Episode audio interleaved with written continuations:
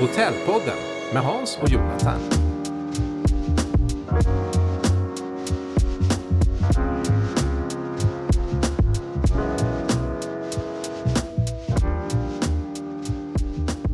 Hej och hjärtligt välkomna till Hotellpodden. Idag kommer vi att... Jag heter ju Hans Karnold då och eh, vi sitter ett par stycken i studion här och ska prata hotell och hållbarhet idag. Och med mig här är Jonathan Kruse. Vad gör du här Jonathan? Kan du berätta lite? Det undrar jag också. Jag, blir, jag kommer djupare och djupare in i hotellsammanhang. Det här är ju inte min värld, Hans, utan det var du som guidade in mig i nyfikenheten på hotell. Men vad är din värld Jonathan? Min värld är film. Jag är filmproducent på Swedish Frames och det är här vi sitter. Eh, Swedish Frames är ett produktionsbolag som till 95 procent gör film, men nu gör vi tydligen eh, podd också. Eh, och för mig är det en befrielse att kunna ha ett öppet, eh, ganska improviserat samtal som inte kräver enorma förberedelser per sekund och per minut, utan att man kan sitta fritt över ett tema och prata. Jag, det är jag väldigt, väldigt tacksam över. Du säger du är ingen hotellperson riktigt så sett, men vad gör att du attraherades av att eh, göra den här podden? Nej, men jag är ju en hotellperson, så att jag, jag bor ju på hotell. Men jag är ju typen som checkar in på ett hotell, har i bästa fall en trevlig upplevelse och sen checkar ut. Men du kom ju med ett perspektiv som jag aldrig hade sett förut när du berättade att du kan åka till London, checka in på ett hotell och sen går du till 15 andra hotell och bara tar in stämningen och sen går du tillbaka till ditt hotell. Det är liksom en hotellpassion som jag aldrig har kommit i närheten av. Nej, man skulle nog kunna påstå att jag är lite nördig när det gäller de här bitarna. Men vad som driver mig i detta, det är att träffa alla underbara människor i branschen. Och det är lite grann det som driver mig för att göra den här podden. Att vi har tänkt på det i flera år. Eh, men det är också att ge en röst till alla härliga människor, duktiga människor som kan så mycket om, om eh, olika ting. Och hotellbranschen berör så mycket folk. Hans, du har ju också gett mig en ingång till att det finns hundra olika vinklar in i hotellbranschen och också, vilket jag gillar, det finns hundra olika historier och tusen olika historier. Alltså att hotellet är ju en spelplats för en uppsjö av mänskliga berättelser. Ja, så är det verkligen. Och eh, det är också ett underlag för att ta in underbara gäster till en hotellpodd. Vår gäst är en före detta journalist och nu PR-konsult med en karriär inom nyhetsrapportering. Hans skarpa analytiska förmåga att gräva djupt i komplexa ämnen har gjort honom till en respekterad röst i branschen. Genom sitt arbete har han uppmärksammat flera samhällsfrågor och blivit en kraftfull talesperson för miljöarbete och förändring. Dagens tema är hållbara hotell och vår gäst, välkommen Daniel Hirsch. Varmt välkommen Daniel! Tack så mycket, vad roligt att vara här. Det är ett underbart nöje att ha det här, den saken är klar. Jag tycker att eh, det är så kul att ha det här just på grund av att du har ett perspektiv som inte många har. Du har jobbat jättemycket med hotell, du har skrivit om hotell, granskat hotell och eh, parallellt så har du haft det här oerhörda intresset, eh, åtminstone på senare år, de 10-15 senaste åren säkerligen, det får du rätta med, eh, när det gäller hållbarhet och klimatfrågan. Och eh, nu jobbar du ju som eh, Eh, informatör och, och eh, kommunikation. Um, så de två bitarna, att kombinera de två bitarna, det ska bli spännande att uh, höra vad du har att komma med. Den saken är klar. Kan du berätta lite grann ditt nuläge? Vad gör du idag? Ja, men absolut. Jag är idag eh, kommunikationsansvarig på ett företag som heter Energiforsk. Vi forskar, eller ser till att det forskas om helt enkelt hur, hur vi kan få ett robust och hållbart energisystem. Och det gör vi i nära samarbete med energibranschen och industrin och så vidare. Och vi ser till att de bästa forskarna anlitas för varje grej. Och det kan handla om allt från liksom elproduktion till ja, men hur kan vi hur kan vätgas se till att vi får ett fossilfritt flyg och en fossilfri besöksnäring i framtiden, till exempel. Så det är det. Och jag tänkte att eh, jag idag ska prata om att om 16 år så riskerar EUs besöksnäring att se ett stort tapp av gäster. Och om fyra år så riskerar en stor del av hotellen i EU att inte gå att sälja eller hyras ut. De riskerar att bli värdelösa om fyra år. Oj, vänta, Eh, vänta. Eh, Men vi kommer till det. Okej, vi- vi kommer till det. Det här är kopplat till klimatkrisen. All right. Jag kommer också prata om eh, hur hotell kan bli lönsammare och stärka sina varumärken genom att bli mer hållbara. Eh, Frågor på det Hans? Nej, men eh, reflektioner. Ja, det här ligger helt rätt i tiden. För när jag är ute på spaning runt omkring i världen så är det arbetsmiljö och hållbarhet som är de två absolut hetaste frågorna. De är på alla eh, konferensers agendor och eh, det pratas väldigt mycket om detta. Så att eh, det ska bli väldigt intressant att höra din, eh, din vinkling och inspel på detta. Hållbara hotell. Finns de? Hållbara hotell. Finns de? Om du skulle problembeskriva eh, hotellbranschen, vad det finns potential och hur ska vi kunna hantera de här frågorna så att vi inte hamnar i den här krisen? För det är ju ungefär det scenariot som du målar upp att eh, om vi inte skärper oss så står vi inför stora problem. Ja, men precis. Jag tänkte vi kan prata om två eller möjligen tre grejer. Och man brukar prata om bilen, biffen, bostaden. Och bilen handlar om transporter, hur gästerna kommer till hotellen. Bostaden handlar om själva fastigheten och, och biffen är vad vi serverar till våra gäster. Men om vi, om vi liksom tar avstamp i transporterna. Hans, du var ju i London i förra veckan och, Ja. och besökte hotell. Det såg ju fantastiskt trevligt ut. Var det, var det kul? Det var jättekul. Ja, nu ska jag skämmas lite då. Nej, nej, du ska inte skämmas. Hur kom du dit? Jag flög dit. Du flög dit. Och sen tog jag tåget. Japp. Ja. Och om 16 år så riskerar den typen av resor då att inte vara möjliga att genomföra i EU. Den resa som du gjorde från Göteborg antar jag till London. Göteborg till London. Ja. De riskerar att, nej det kan vi inte, de, de blir i princip förbjudna. Men utveckla, vil- vilken typ av, av resor? Alltså Jo. nöjesresor till London? Nej, Eller? då är det så här att eh, Hans, eh, gissar jag, tog ett vanligt eh, kommersiellt flygplan, satte sig på det och flög till London. Och det flygplanet eh, använder ju vanligt flygbränsle. Eh, men nu är det så här att EU har ett system med handel för utsläppsrätter. Där ingår flyget. Eh, så alla flygresor inom EU är en del av det. Och nu har vi med, i och med EUs eh, skärpta klimatlagstiftning, Fit for 55, som är snart klubbas, så skärper man utfasningen av utsläppsrätter. Det innebär att 2039 så ger EU inte längre ut några utsläppsrätter. Det betyder att alla verksamheter som omfattas av den här handeln, och det är stålindustri, det är cement, alltså jättemycket tung industri, men även flyget inom EU. De kan då i princip inte längre verka om de inte är fossilfria. Så om vi inte har ett fossilfritt flyg inom EU om 16 år, 2039, det är en ganska kort tid, då blir det väldigt svårt att bedriva den typen av verksamhet. Då måste vi ha något annat. Så det var det jag menade, att det kommer i- princip bli väldigt svårt om vi inte har en annan teknik då. Förstår, absolut. Eh, Fit for 55, är det klubbat ett sådant beslut eller är det... Det är inte klubbat helt till fullo, men det är som jag har förstått det från de experter som jag har kontakt med, liksom att det, det här kommer att klubbas. Det, det, det kan bli några marginalförändringar, men så det, det, det, du kan räkna med att det blir liksom. Och den här utsläppshandeln, då blir det så att man skärper utfasningen. Eh, den kommer gå dubbelt så snabbt som den har gjort hittills, så att utsläppsrätterna tar slut då 2039. Här blir man ju nyfiken på om, om branschen räknar med att det sker ett teknikskifte eller om branschen räknar med en omställning eller om branschen inte räknar med någonting.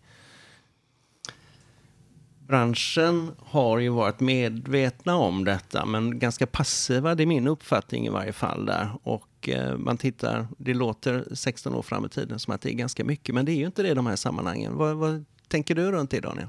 Jag tycker själv att den här frågan med utsläppsrätter är väldigt underrapporterad i media och det gäller alla andra branscher. Alltså det gäller inte bara flyget. Om 16 år ska, så måste vi ha en fossilfri stålindustri annars så, ja men ska Sverige vara en industrination? Ja då måste vi lösa det här. Annars så får vi syssla med annat i det här landet. Eh, för flygbranschen så kanske de är lite mer medvetna om, de har ju pratat länge nu i många år om att de ska bli fossilfria. Men de, det finns ju en stor utmaning här. Det finns ju inte så, så liksom jättekonkreta lösningar. Det här löser vi, det är enkelt. Liksom. Det är inte enkelt, det är en utmaning. Hur, är det- hur hotellen har pratat om det här, jag tycker att det är väldigt frånvarande, de här bitarna. Eh, det som är intressant är också att eh, från och med nästa år så träder en, eh, ett, en annan, ett annat EU-direktiv i kraft som heter CSRD. Det står för Corporate Sustainability, Sustainability Reporting Directive. Det innebär att eh, till en början, de största bolagen måste kraftigt förbättra sin hållbarhetsrapportering. Idag som, så rapporterar man ofta det som heter Scope 1 och Scope 2. Liksom hur stora utsläpp är det i den egna verksamheten? Från och med räkenskapsåret 2024 då, alltså som man, det som man rapporterar 2025, då måste man också rapportera utsläpp från Scope 3, det vill säga leverantörers och gästers klimatpåverkan. Då måste alltså de största bolagen tala om ja, men hur mycket utsläpp kommer från att mina gäster har kommit till mitt hotell. Och några år senare så gäller det även alltså min, små bolag. Så det är också så här, då måste man börja räkna på det här och visa det. Ja, så här mycket har mina gäster släppt ut innan de kom hit. Så det blir också en sån här, mm, det påverkar min verksamhet. Det nya runt det är väl också att det kommer att bli en straffpåföljd om man inte sköter sig ordentligt. Ja, om man inte sköter rapporteringen antar jag. Sen så, jag menar, man kan ju säga det, jag har så här jättestora utsläpp och så skiter man i det. Eh, det påverkar ens varumärke såklart. Eh, jag var inne och kikade lite i, eh, inför den här podden, tittade på de senaste hållbarhetsrapporterna för två av de största kedjorna här, Scandic och Choice. Jag kunde inte hitta att de skrev hur stora utsläpp de hade ens. Eh, Scandic skrev ja men vi har så här stora utsläpp per kvadratmeter, men jag kunde inte hitta liksom någon total siffra. Eh, men de var på bollen, skrev de, vi kommer, Scope 3 kommer vi titta på liksom och så här, så att det var ju bra. Det här är ju verkligen alarmerande när du tittar på den svenska hotellindustrin givetvis. Då. Vi är ju beroende av att få in folk utifrån och även att vi eh, inom landet reser sinsemellan. Vi är ett stort land och flygindustrin är ju viktig för oss, den, den transportgrenen.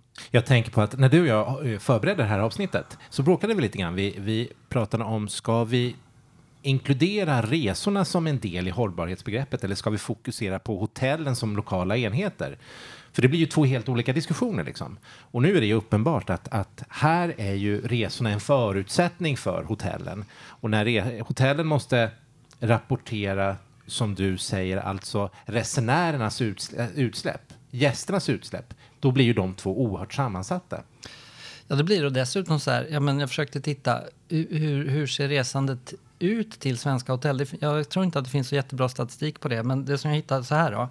2019 tror jag det var så hade svenska hotell 23 miljoner ankomster.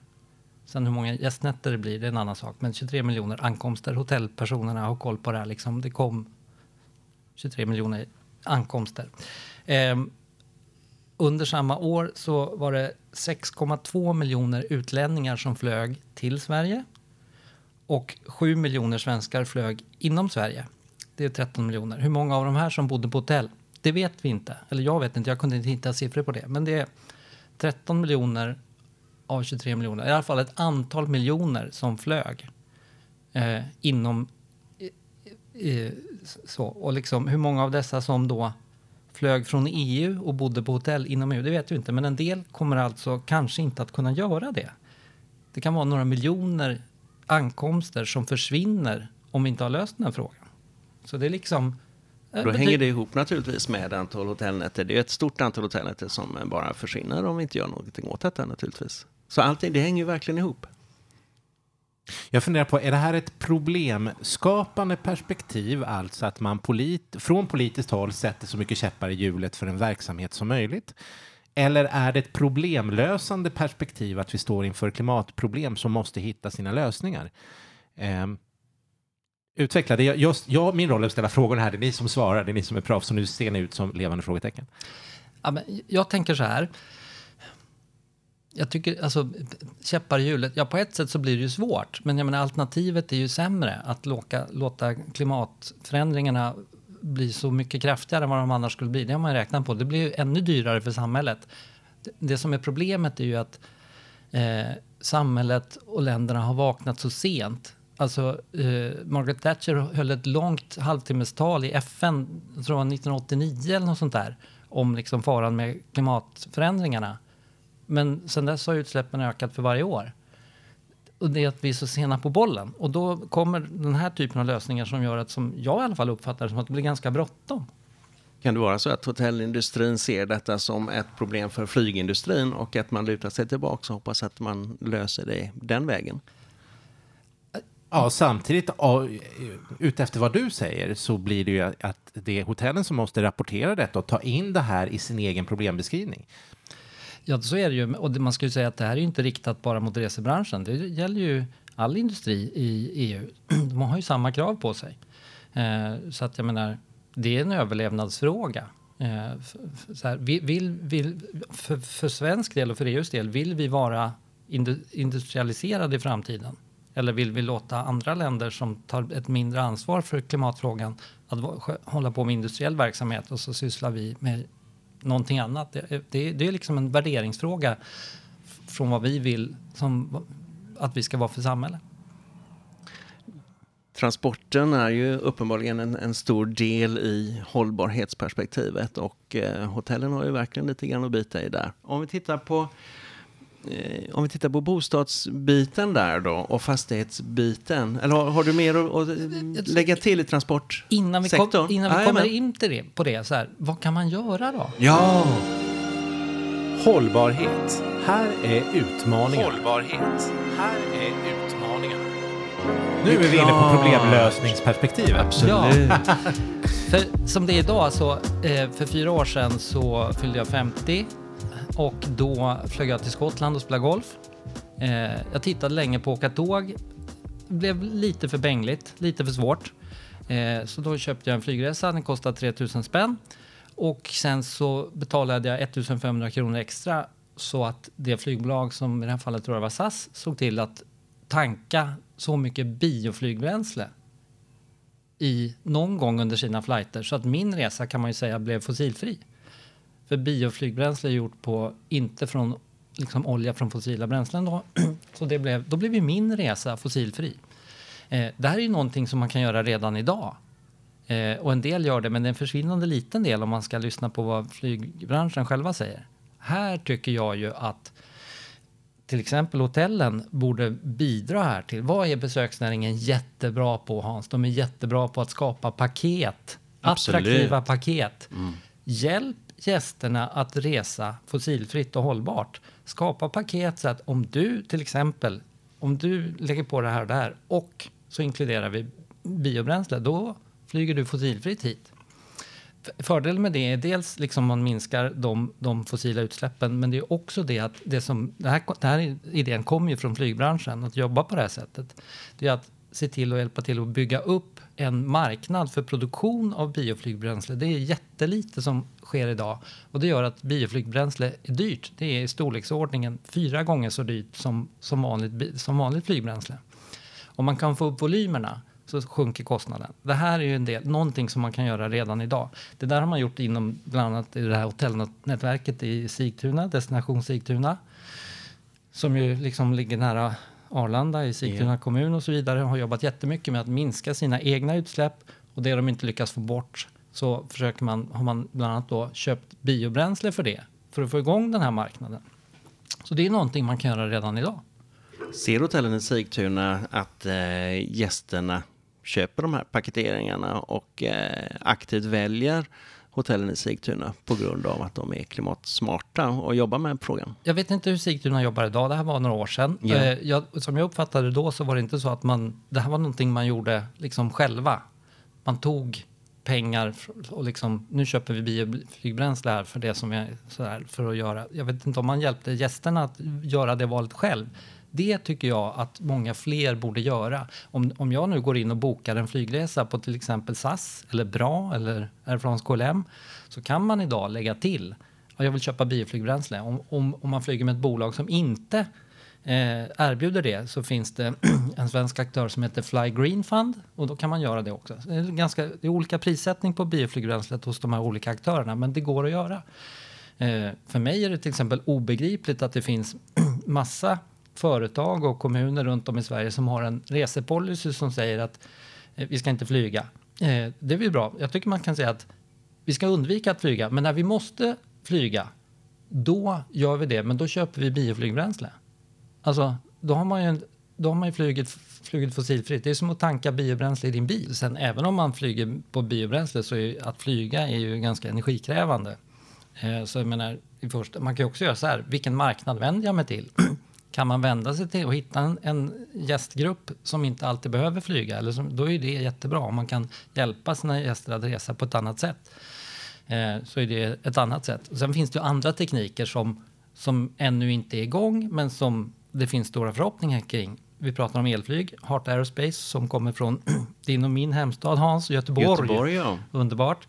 Eh, de säger att de kommer på gång med ett eldrivet plan om några år. Eh, det får vi se vad det blir för kostnad på det. Men de har ju begränsad räckvidd. Det är ju så här storleksordningen 40 till 80 mil.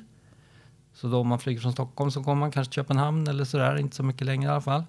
Så det är en utmaning. Eh, sen har vi då flygplanstillverkaren Airbus. De säger ju att ja, men i mitten på 2030-talet då ska vi ha ett vätgasdrivet plan eh, på den kommersiella marknaden. Och då pratar man om längre flygresor. Det brukar vara så här, ja, men kanske eh, Stockholm, Medelhavet. Men inte längre än så. Och längre än så, det är svårt att se att flygbranschen, liksom, hur ska man, rent tekniskt är svårt att lösa det. Och då kan man ju som hotellnäring, okej, okay, vill jag främja det här för att, så att jag har gäster i framtiden? Ja, då kanske man ska gå liksom stötta den här forskningen och den här utvecklingen för att få igång den här verksamheten. Eh, där man, kan man också bidra tror jag. Jag vill återkoppla lite grann till din golfresa, Daniel. Det är föredömligt att du lägger en extra slant där eh, i din transport. Tittar du efter hotell som passade in din, din profil och, och eh, dina tankar när du väl anlände? För, för mig, jag lägger eh, generellt mindre eh, energi på det därför att klimatfrågan för mig som, som, för mig som privatperson, det absolut största klimatavtryck jag gör eh, är om jag, om jag flyger. Alltså så här, om jag flyger till exempel tur och tur till eh, Medelhavet, till Marseille. Ja, men då släpper jag ut i storleksordningen ett halvt ton. Eh, sett över året så släpper en svensk ut i snitt 8 ton. Så att en sån flygresa det är en väldigt stor andel av det. Flyga till New York, då är det 1,7 ton. Så att, liksom, att, att plocka bort flyg eller utsläppen från flyget, det har så otroligt mycket större betydelse än hur bor jag under en veckas vistelse i Skottland i det här fallet. Det får väldigt liten betydelse. Sen finns det ju massa andra hållbarhetsaspekter, men jag är ganska fokuserad på klimatfrågan. Eh, sen, alltså, sen gör jag andra saker då, men jag har jag kör elbil då, så här, därför att jag har möjlighet att göra det. Så det tycker jag är bra. Jag försöker cykla när jag kan. Försöker att inte äta nötkött så ofta. Den typen av grejer. Som, så här, men den största biten för mig och för många svenskar, eh, det är ju flyget. Alltså svenskar flyger fem gånger mer utomlands än det globala snittet. Vi flyger, alltså, och det är så är det i västvärlden för att vi eh, tjänar ganska bra helt enkelt. 2018 så var det 4% av världens befolkning som har flugit utomlands under det året. Förlåt, vad sa du? 4 4 av världens befolkning flög utomlands under 2018. Så att det för, för den e-, egna personen, flyget står ju bara för 5% av världens utsläpp, så det är ganska lite. Men för den enskilda personen så blir det väldigt mycket. Så om man vill hjälpa sina gäster att, att dra ner på sin Eh, sina utsläpp som hotell, ja, då är det där man, där har man jättemycket att bidra med. Hotellen, utvecklingen och förändringen. Hotellen, utvecklingen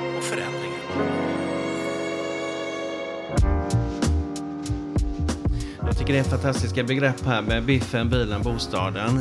Och jag misstänker att det inte var helt riktat till eh, resindustrin i början, men det passar ju fantastiskt väl in i eh, hotellvärlden. Men Hans, ja. jag, måste, jag måste bara fråga dig, för du blir lite sågad här. Hela, alltså hela ditt, ditt hotellupplägg med, med resor, att uppleva saker världen över. Daniel är ju inte direkt nådig. Nej. Jag eh, känner att jag kanske ska fundera på mitt beteende i fortsättningen. Men jag är ju som sagt var månar ju om hotellbranschen också så att eh, jag ska göra mitt. Mm, han pepprar oss med fakta också. Ja, verkligen.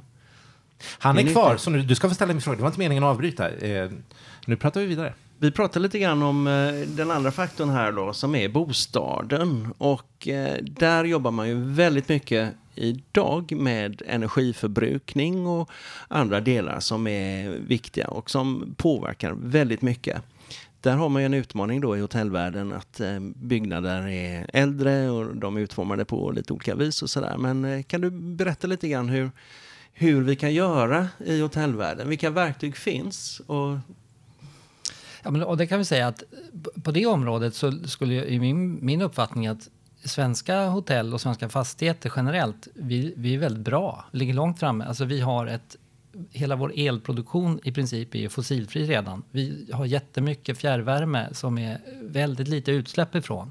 Så, och så vi är ganska bra på energieffektivitet. Eh, men det finns mer att göra och där liksom, kommer jag till nästa fråga så här då. Eh, Hans, vet du vad EPBD står för? Ja, det vet jag. Vet du det? Kan jag berätta det?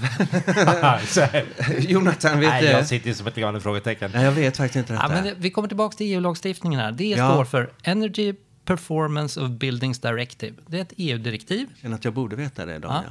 Ja. Eh, det håller på att förhandlas nu Ja. mellan de här tre delarna i EU. Så. Ja. Eh, och det, planen är att det ska börja gälla 2027, det är om fyra år. Eh, det innebär tvingande krav för en stor andel av EUs fastighetsägare att de ska se till att deras fastigheter når tillräckligt bra energiprestanda. Alltså, vi pratar om energieffektivisering. Exakt hur det här kommer se ut, det är inte klart. Men det man pratar om, att det finns ju nu då så här olika energiklasser på fastigheter från A till G är det väl tror jag. Där G är den sämsta och A är den bästa. Och det som pratas om nu är att eh, 25, to- att de här sämsta klasserna G och F, de ska flyttas upp till E senast 2027. Om fyra år. Om, om, om det blir, det, det liksom har varit ett förslag om det. Eh, Eh, hur flyttar man upp en fastighet från G till E? då genomför man åtgärder så att de blir mindre energiförbrukande. Ah, Okej, det är ingen pappersåtgärd, det är inte att skriva. nej, det kan vara is bättre isolering eller något, vad det nu kan vara för någonting på något sätt. Men det här är ganska mycket. Och som man pratade om från, från tidigare när det här förslaget har förhandlats, att det är 25 till 35 25 till 30 procent av alla lokalbyggnader ska flyttas i EU. Ganska mycket. Eh, och hur, hur det ser ut för hotell, det, det vet inte jag. Jag kan ju tänka mig att många moderna hotell ligger ganska bra till. De kanske inte påverkar så mycket, men om man, har, om man inte ligger så bra till. Där har de illa protesterna, Daniel, alltså. Att det här låter som att det kräver investeringar. Och eh, vi kommer säkert till den punkten att du nämnde att det här kan bli lönsamt för hotellen att jobba bättre med klimat och energi och hållbarhet överhuvudtaget. Där. Så att, eh, vi kommer säkert till den frågan. Det, det kan det göra. Alltså, och om jag bara ska skjuta in där, att det bara vad som händer om, man- om man inte lyckas med det här då? Ja, då kommer banken säga nej. Det vill säga, alltså, det är inte så här som att ja, du, får, du har lite för dålig energiprestanda, du får lite högre ränta. Nej, banken kommer säga du får inte låna.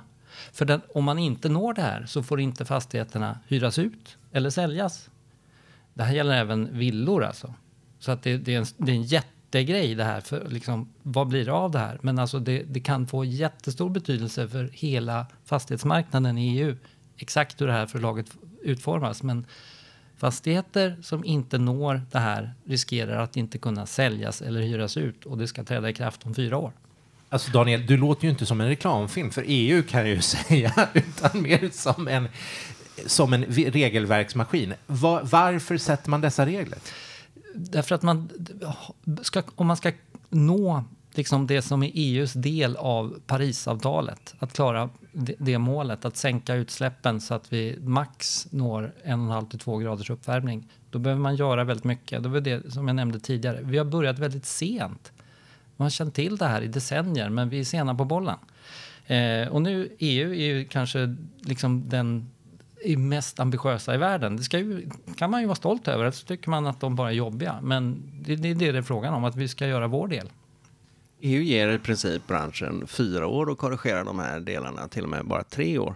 Eh, vad jag ser framför mig det är ett antal eh, hotell och eh, slottshotell och fina andra byggnader som eh, kommer inte att klara av detta helt enkelt. De kommer inte ta den investeringen för de, eh, de tycker inte att det är...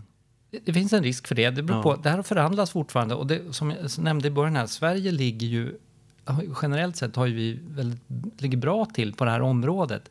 Så det kan, och just nu så har det diskuterats som att det ska vara samma i hela EU.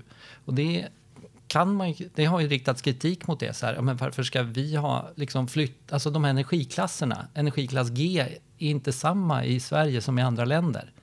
Det, är det, som, så det, kan, det kan bli så att det inte blir riktigt så här hårt, men om det blir det, då blir det jobbigt för många hotellägare. Men upplever, upplever du att det finns en diskussion om det här i branschen? Eh, Ja, Finns det ens en medvetenhet? Som jag har uppfattat det så är, diskuteras det för lite på ett allmänt plan i samhället. Det skrevs någon debattartikel liksom för, här, om hela fastighetsbranschen där man just lyfte det. Det här diskuteras för lite. Så det, jag upplever också det. Det diskuteras alldeles för lite och jag har inte sett det i hotellbranschen heller. Eh, så att, ja, ja, ja, det diskuteras Hållbar lite. Hållbarhetsfrågorna diskuteras i branschen väldigt mycket. Men det är ju lite grann sådär att man hyllar de som jobbar väl med hållbarhetsfrågor. Och det känns som att man inte hänger med tåget allihopa. Det är många som står kvar på perrongen och kommer att missa det här tåget alltså om man inte sätter farten då. För det är ju inte gjort i en handvändning, de här förändringarna som du pratar om. Det är det ju inte. Och sen så finns det ju saker att göra och eh, såklart. Och exakt vad som olika fastigheter, vad man ska göra i olika fastigheter, det får man ju titta på eh, såklart. Det som är intressant är vad, vad, vad hände i fjol? Eh, ja, i fjol så i september så släppte vi på Energiforsk en rapport som sa ungefär så här. Det var ju när elpriserna började dra iväg, om ni kommer ihåg. Så så här, ja men om, om EU minskar sin elförbrukning med 10 procent så kan elpriserna halveras utifrån hur läget såg ut då. Det blev ju en jätte, alltså det, det påverkade ju samhällsdebatten under flera månader. Och vad hände i Sverige?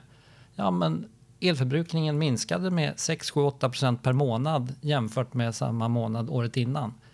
Och det var bara genom att liksom utan investeringar i princip. Vi började ändra vårt beteende. Mm. Så att om vi dels ändrar vårt beteende, dels investerar för att vad, vad kan jag göra för att minska energiförbrukningen från min fastighet så mycket som möjligt. Då kan, alltså det finns ju en jättepotential här. Tidigare i Sverige har vi inte behövt fundera så mycket på det här av ekonomiska skäl därför att elpriset har ju varit väldigt lågt. Nu går vi mot en tid när elpriset spås variera väldigt mycket beroende på att vi får in mer vindkraft och solkraft som är, varierar så. Och det, så slår på priset. I snitt blir priset inte högre, kanske, förmodligen. Men det kommer variera mer. Och då finns det pengar att spara här. Och genom att liksom titta på vad kan jag göra i min fastighet? Och det ena är liksom göra det. Det andra är så här, att flytta förbrukning i tid. Här finns det jättemycket att göra när elpriset är högt. Om jag då slår av min värmepump, då drar den ingen el. Hur mycket märker man det om man gör det i två timmar? Alltså, hela fastigheten är ju som ett värmelager. Det är som en termos. Det sitter ju i väggarna och taken. Och sen två timmar senare slår man på igen. Och då, vad har man gjort då? Då har man hjälpt elsystemet att bli mer robust, att det inte blir risk för överbelastning. Alltså, man kapar topparna helt enkelt. Här finns det jättemycket att göra och pengar att spara. Så man förenklar det här lite grann då, då är det två bitar. Det är dels investeringar i fastigheterna men sen också att man förändrar sitt beteende. Och inte bara eh, beteendet hos personal, för det, de har man också ett stort ansvar där. Eh, man ser ju ganska enkelt att det, det, kan sparas på energi och det kan stängas dörrar, det kan eh, förändras i fläktsystem och så vidare. Men också gäster kan ju verkligen förändra, förändra sitt beteende. Inte bara välja transport, rätt transportsätt utan även eh, på andra sätt. Men görs det? Görs det? Då? Det alltså, börjar. Ja. Jag tycker att det börjar. Eh, men det går kanske inte tillräckligt fort här. Jag tror att jag är helt övertygad om att det görs jättemycket på fastighetssidan, men jag tror att det kan göras mer. För den här delen om, om liksom att liksom med digitala, genom digitalisering styra när ska jag värma min fastighet, när ska jag pausa och så vidare det, där tror jag det finns jättemycket att göra för att liksom avlasta energisystemet i samhället. Men den, den grejen låter som en no-brainer för ett hotell att implementera på en gång. Det måste ju vara igång. Alltså jag tänker på, på, på min stuga på landet. Jag vill ju också gärna göra det, men jag har inte de enorma pengarna att spara på, på det. Men på hotellsidan, eh, som är många gånger alltså väldigt mycket större, så, så det måste ju göras den processen måste ju vara igång. Ja, men det, och det kanske jag vet inte riktigt, men om man tar så här, många hotell har ju fjärrvärme idag, va? Så här. Kan man liksom prata med sin fjärrvärmeleverantör? Hjälper det er om, vi, om ni kan variera värmen in till vårt hotell lite mer? Så att det måste inte vara, ligga precis så här hela tiden. För att, och hur, hur kan vi få del av den kakan? Om vi hjälper er, då ska, alltså det krävs någon affärsmodeller här. Här saknas det lite kunskap och forskning om vilka affärsmodeller, vilka styrmedel behöver vi se på samhällsnivå för att öka den här flexibiliteten. Eh, men det är väl ett tips här, börja med att snacka med din fjärrvärmeleverantör. Då kanske man behöver gå ihop liksom som hotell och snacka. Kan vi göra någonting här? Vi har pratat mycket om eh, komplexiteten att driva hotell eh, i Hotellpodden och detta är ju ytterligare en påbyggnad på kunskapsbanken och eh, engagemanget som man måste ha när man driver hotell helt enkelt. Det är ju så. Det, vi gör inte livet lättare för hotellägarna och hotelldirektörerna, så är det ju. Daniel, finns det ett gästperspektiv här någonstans? För nu pratar vi ju väldigt mycket om hotell på systematisk nivå, men finns det ett, ett enkelt gästperspektiv? Alltså det största gästperspektivet tycker jag, det var det som den frågan ni ställde, som Hans ställde till mig. Vad gör du när du väljer hotell? Ja, det är det, är det viktigaste. Titta, ställ krav på ditt hotell. Vad gör de på de här bitarna? Och välj hotell utifrån det och återkoppla det till hotellen. Eh, I sådana fall. Jag valde er därför att, eller och så vidare. Så att, för då skapar man incitament för hotellen att agera. Det tycker jag är det viktigaste. Eh, sen är det klart, det är samma som hemma, att man inte ska duscha så länge och sådär. Det, det är klart man ska göra det. De stora eh, företagen de skriver avtal med hotell och med hotellgrupper och så vidare. Då skickar de in ut någonting som heter RFP, Request for Proposal. Eh, och i ett sådant formulär, där står det väldigt mycket frågor runt detta. Problemet eh, fram till nu då är att man kanske inte följer upp det här utan det sitter människor på hotellen och fyller i de här formulären. Men eh, man kan ju hoppas att det blir mer noggrant, bättre uppföljning och att man då som du säger Daniel uppmärksammar hotell och återkopplar när de har gjort de här investeringarna och agerar på ett eh, klimatsmart sätt. Ja, om jag var hotell och tyckte det här var viktigt, då skulle jag ju satsa på de här bitarna och sen kommunicera det proaktivt. Alltså som ja, men för några år sedan så var ju, det var ju lite av Scan, en, en styrka för till exempel Scandic. De var ju jättebra på hållbarhet och kommunicerade det eh, väldigt mycket. Jag upplever att det inte är samma fokus och inte lika mycket kommunikation kring det idag. Eh, konkurrensen på området kanske har ökat också, men här så finns det, tycker jag, möjlighet att stärka sitt varumärke samtidigt som man sänker sina kostnader. Vi pratade lite grann eh, om svenskens beteende när vi reser och när vi väljer hotell och sådär. Och det en, finns en priskänslighet hos svenska resenärer som är ganska stark där. Och, eh, tror du att folk i framtiden kommer att välja att betala extra för att bo på hållbara hotell och hotell som jobbar klimatsmart? Eh, till viss del, eh, och vissa, andra inte. Men en, en del av målgrupperna gör ju det. För några år sedan fick vi debatten om flygskam. Den har ju liksom backat lite och sådär, men den finns ju till viss del kvar. Sen har vi den andra delen då. Ja, men vart tar det vägen? Vi pratade om den, den enda liksom lösningen för flyget som finns idag, här och nu, det är ju biobränsle som är fyra gånger så dyrt idag. Om volymerna, produktionsvolymerna kommer upp, då kommer det pressa ner priserna det är det som flygbranschen tror på. Å andra sidan så finns det liksom en begränsad resurs att tillgå av vad vi ska göra det här biobränslet av. Det är till stora delar skogsrester eller slaktavfall. Där finns det ett tak. Det, när det blir liksom slagsmål om, om produkten så trycker det upp priserna. Så var priserna kommer landa i slutändan vet vi inte. Men eh, om man ska gissa, liksom, ja, jag tror att det riskerar att bli dyrare att flyga i framtiden. Det, det tror jag. Eh, mm. Jonathan, du åker ju på branschmässor eh, med jämna mellanrum. Och eh, när du planerar din resa, tänker du som, om man säger vanlig resenär, du är professionell resenär ur ett perspektiv, men tänker du någonting på detta? Nu sätter du mig på pottan här. Ja, ja men mitt svar är faktiskt ja. ja. Jag tänker en del på mig. Jag, jag, jag tycker väl att jag är något sånär medveten i alla fall, men efter ett sånt här samtal så blir ju den insikten betydligt djupare. Eh, det måste jag säga. Sen om det påverkar mitt beteende, då återstår att se. Det är mitt ansvar. Eh, men det är en väldigt spännande fråga och den tar jag till mig. Va, va, hur påverkar det här mitt nästa res och hotellval? Absolut. Våra hotellminnen. Våra hotellminnen.